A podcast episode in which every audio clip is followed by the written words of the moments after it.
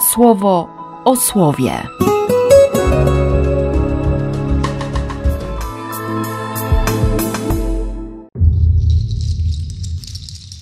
Dwudziesty pierwszy czerwca, wtorek. Ezechiasz wziął pismo z ręki posłów, przeczytał je, a potem udał się do domu Pana. Tam rozłożył je Ezechiasz przed Panem. Taki prosty gest.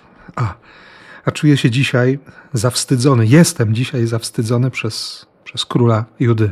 Człowieka, który, który nie poznał Chrystusa, który nie doświadczył tego wszystkiego, co, co dla mnie dzisiaj jest szansą budowania relacji z Bogiem. Nie?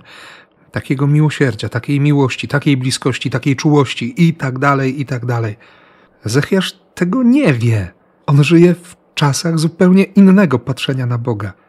Ale to jest król, który ma zaufanie. Nie? Prawdą jest to, o Panie, że królowie asyryjscy unicestwili te narody. Ty jednak, Panie nasz Boże, ocal nas od Jego ręki. Mieć takie zaufanie. Przychodzić do Boga ze wszystkim – szukać u Niego najpierw rozwiązania i ratunku. Kiedy wszystko wydaje się być przesądzone, kiedy, kiedy nie ma wyjścia, kiedy się wszystko wali.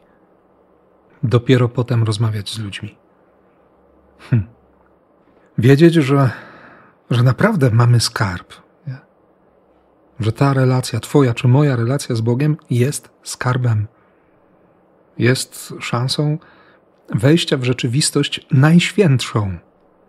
I dlatego ten siódmy rozdział Mateusza, szczególnie szósty werset, naprawdę, naprawdę brzmi dzisiaj w moich uszach i, i w sercu też, jako pytanie o to, co ja robię i czym jest dla mnie ta relacja z Bogiem.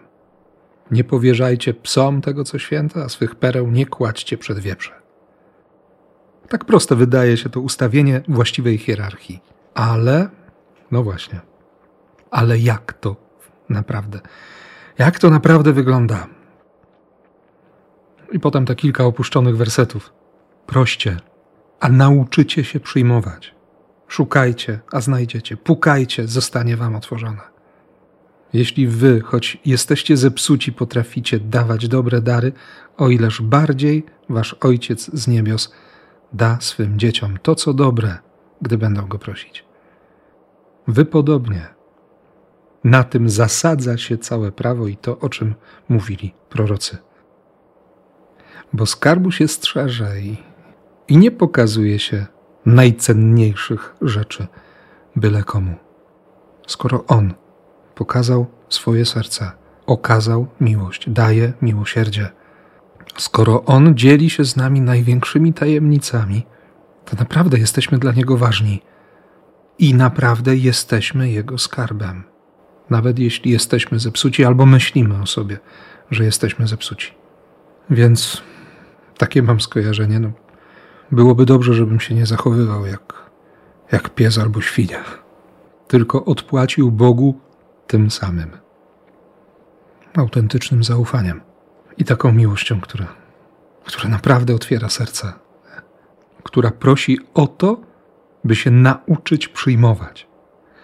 Modlę się o taką miłość również dla Ciebie i błogosławię jak tylko potrafię. W imię Ojca i Syna i Ducha Świętego. Amen.